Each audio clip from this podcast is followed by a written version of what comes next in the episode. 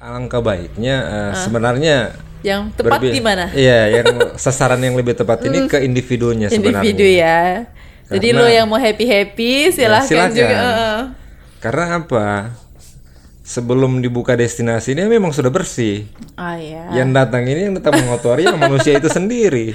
Iya. Jadi artinya sadarlah, artinya kita datang untuk menikmati, jangan sampai kita kotori seperti itu. Ah, Oke. Ketika sudah ada sampah, ingat plastik ini bertahun-tahun baru hancur, Betul. Lama. prosesnya lama. Makanya itu ya kembali ke diri kita sendiri.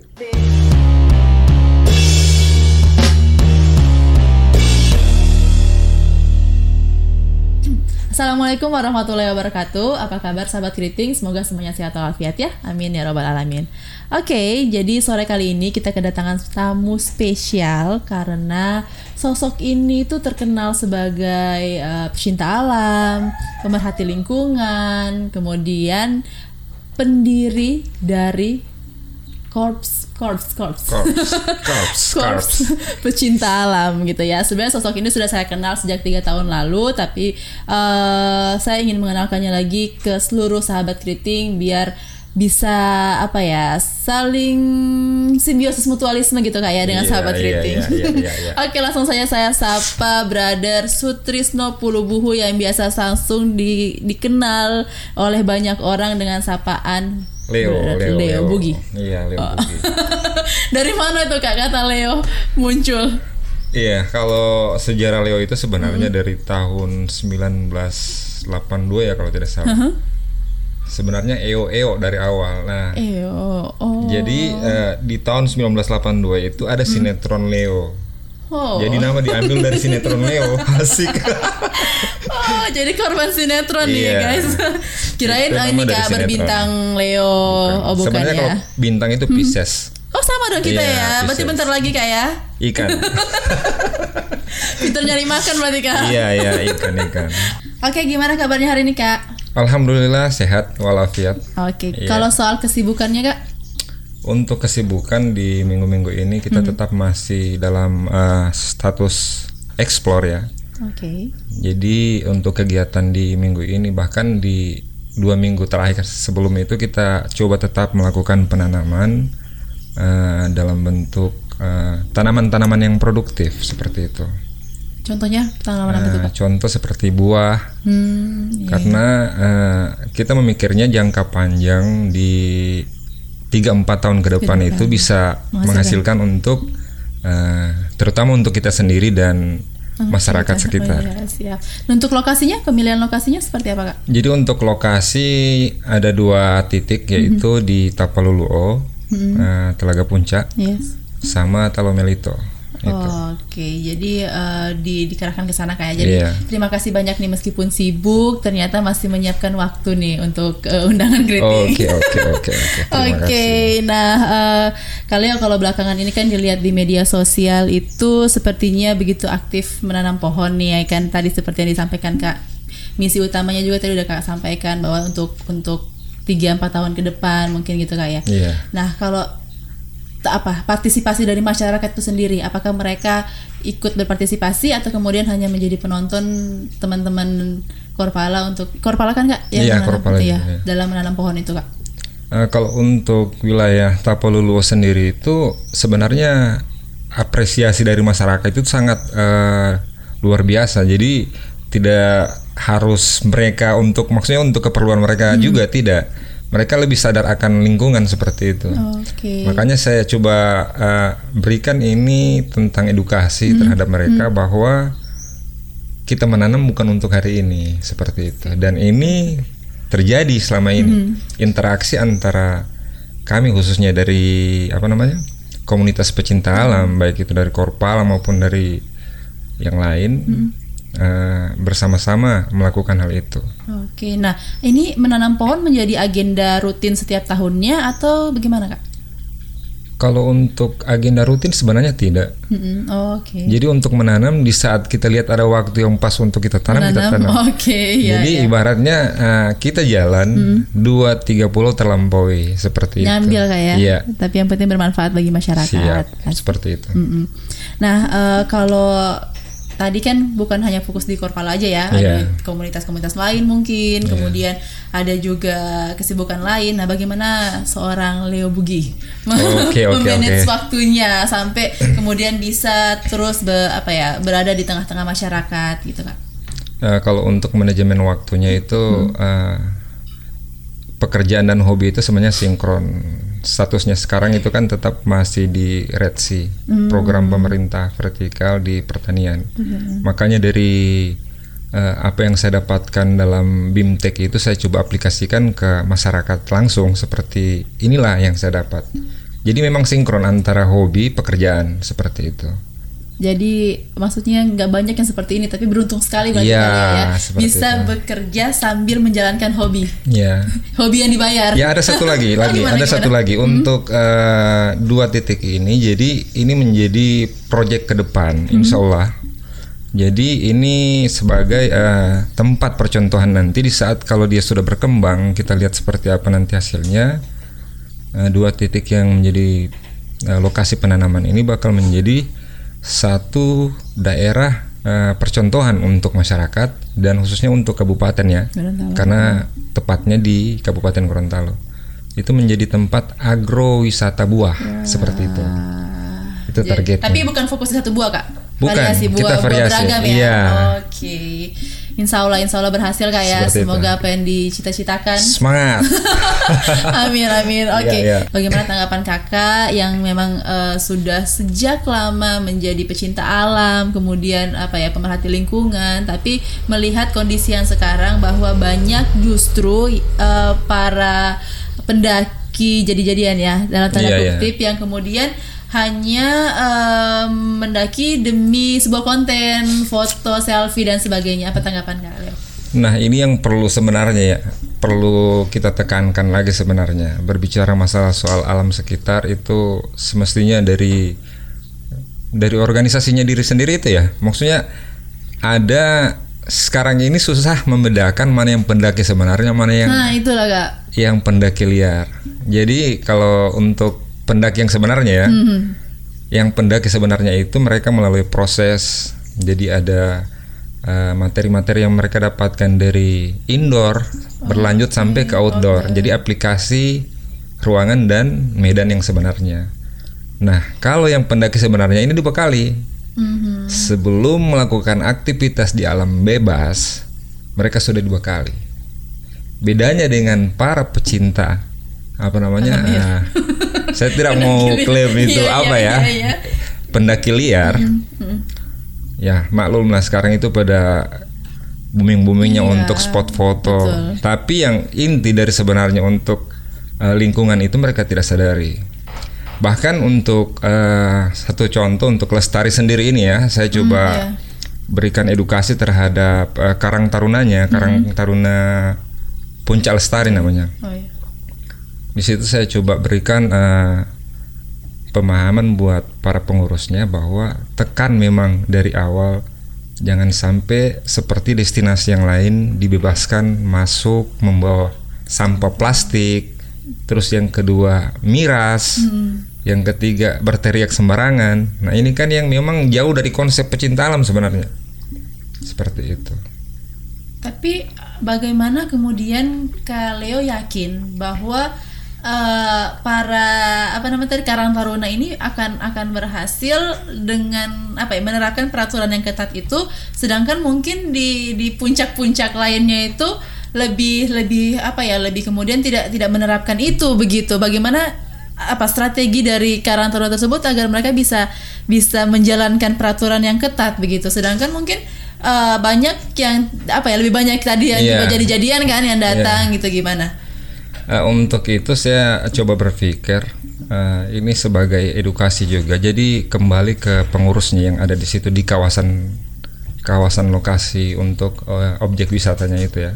Seperti kayak eh, Puncak Dulamayo, kawasan Pinus, terus ada apa namanya eh, Bukit Arang Iya. dan lain-lain bla bla bla. Nah, untuk eh, mengemas ini biar lebih kecil, saya coba mengawali hal ini dari Puncak Lestari. Karena saya sudah berikan eh, pandangan terhadap mereka jangan sampai lestari ini seperti yang lain seperti itu. Kita berikan yang terbaik lah.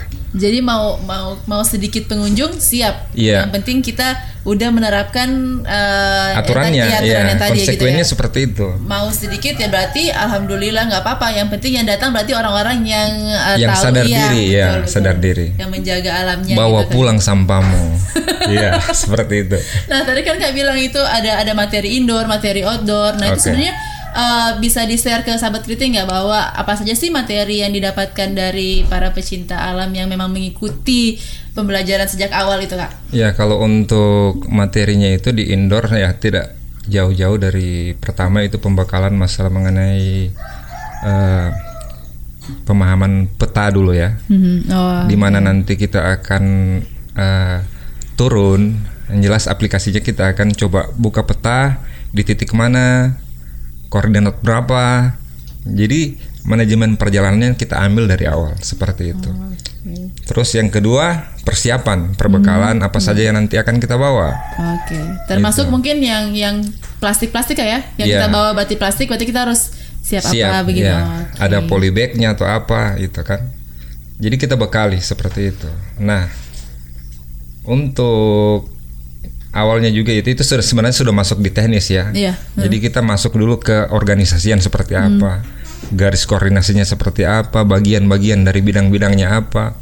Itu kan ada bidang eh, rock climbingnya ada cavingnya ada mountaineeringnya terus ada eh, lingkungannya ada kerohanian. Itu materi-materi di indoor Setelah ini semua dibahas dalam 4 sampai 5 hari di indoor, Di indoor. aplikasinya di outdoor. Berapa hari itu bisa biasanya? Di outdoor itu bisa sampai 3 sampai 4 hari. Oh, oke. Seperti itu. Jadi memang up- di, di, di- dipraktekkan semua nih Iya. apa yang sudah didapatkan di indoor tadi. Orientasinya nanti di lapangan seperti itu. Oke. Jadi memang matang betul-betul. Benar benar benar. Jadi ada ilmunya lah ya Iya. sebelum naik ke Ibaratnya seperti ini ya. Jadi kan eh, jangan sampai kita sendirian jadi korban. Kita mau ke tempat yang kita tuju tapi kita tidak tahu kalau mau apa. bunuh diri. apa yang mau kita persiapkan seperti itu. Iya, Jadi iya, kan, iya, iya. ya ini bahayanya dua, subjek sama objek. Iya. Bahaya yang datang dari diri kita sendiri dengan dari alam itu sendiri. Eh, jadi luar biasa ya memang persiapan yang harus dimiliki secara ilmu pengetahuan, pengalaman dari para pendaki itu sebenarnya. Iya. Nah, sekarang Kak tidak bisa dipungkiri bahwa semenjak adanya film 5 cm di tahun 2012 itu kan eh, sangat mengundang reaksi banyak para pendaki-pendaki baru nih Kak ya. Iya. Nah, eh, berdasarkan penelitian dari Trustback Community juga bahwa di tahun 2015 itu sekitar 200 sampai dengan 300 pengunjung per hari di Gunung Semeru hanya untuk menyaksikan keindahannya Ranu Kumbolo.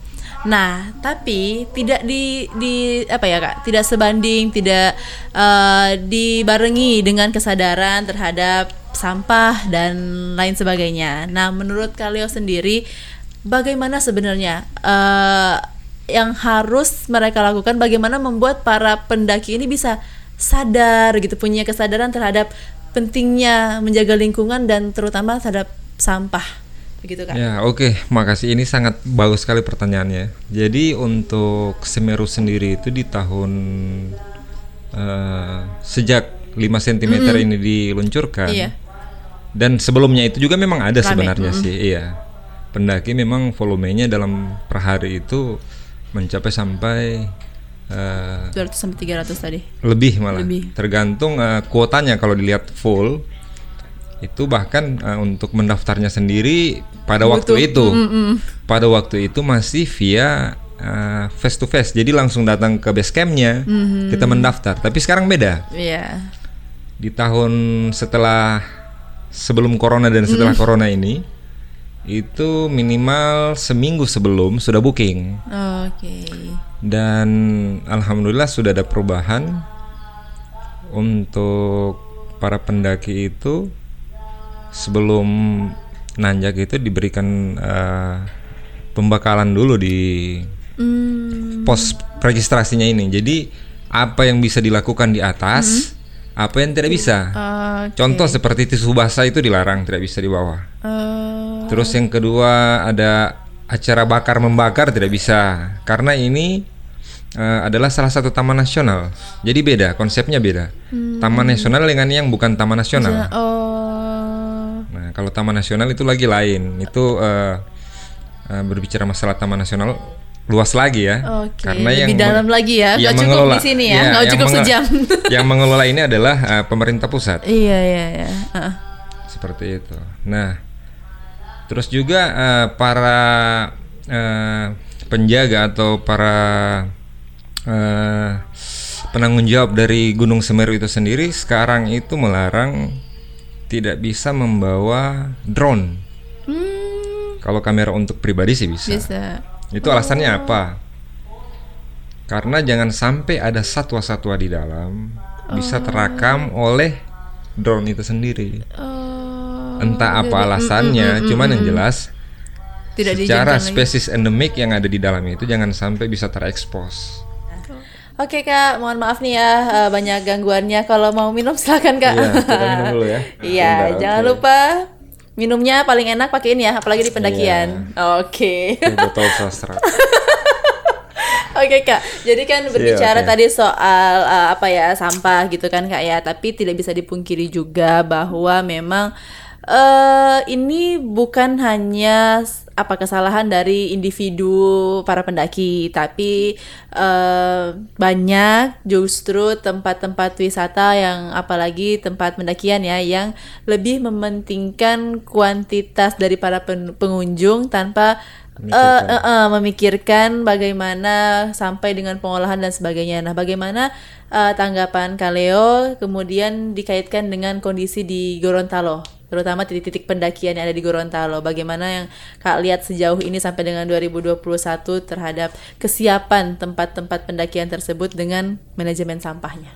Nah, untuk sampah sendiri dari destinasi yang ada di Kabupaten Gorontalo khususnya, khusus untuk Dulamayo, terus eh, bahkan sampai eh, Tapalulu sendiri, itu dari segi persiapan manajemennya itu sangat-sangat kurang, karena mereka seperti apa yang diberikan disampaikan tadi, mereka lebih mementingkan eh, para pengunjung yang datang ketimbang memikirkan seperti apa persiapan nanti di saat eh, pengunjung itu lebih booming lagi.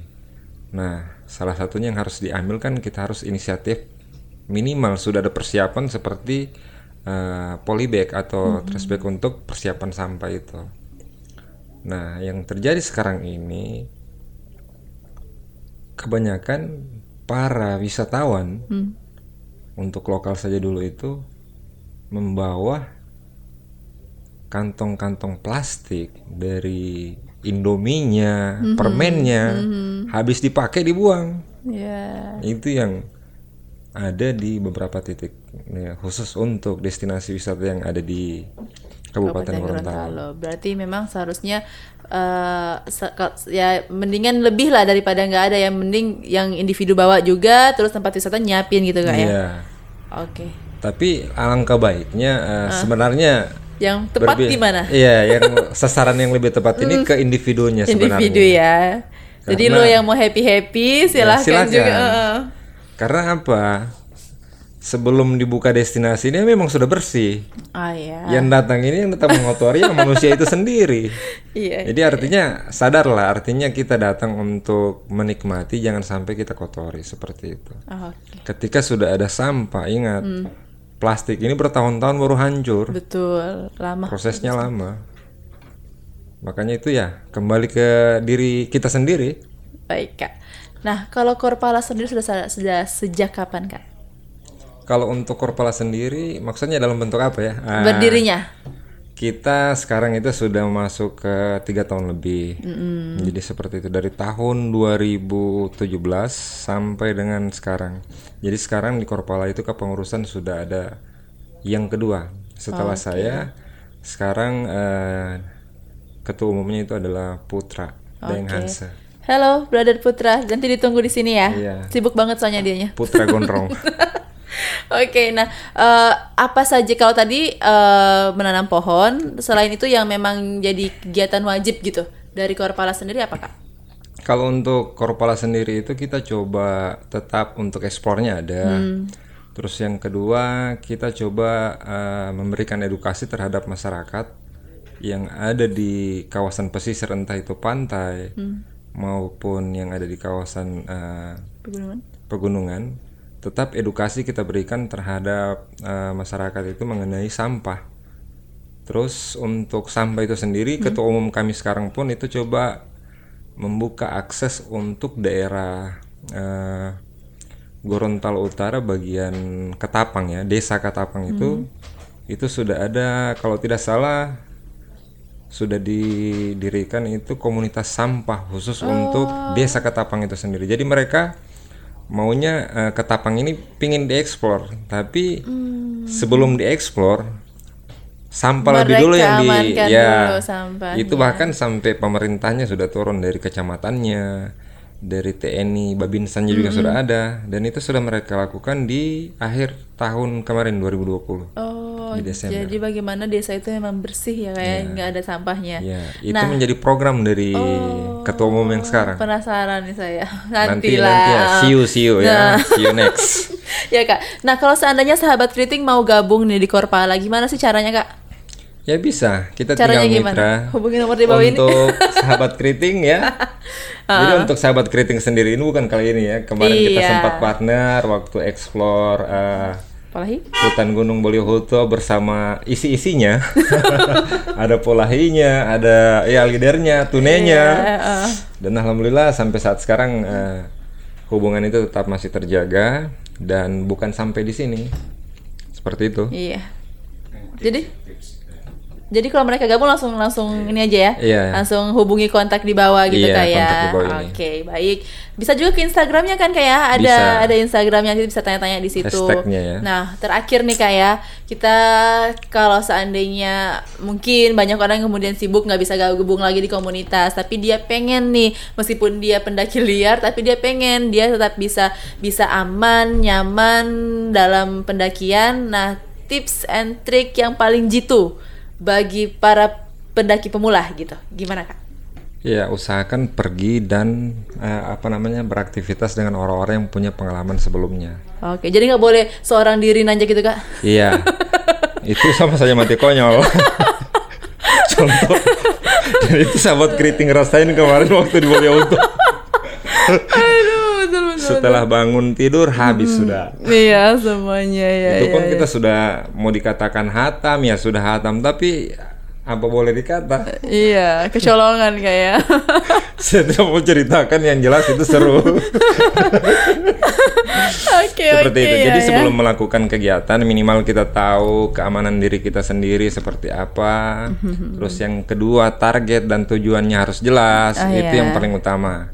Dan yang paling eh, krusial sekali yaitu adalah kita tahu seperti apa kemampuan diri kita dan jika ragu Hmm. ajaklah orang yang punya pengalaman. pengalaman di bidang itu. Oke. Jangan sampai ada bonek lagi ya. Oh iya ya. Tahu bonek? Apa kak? Bodoh nekat. Oke, siap.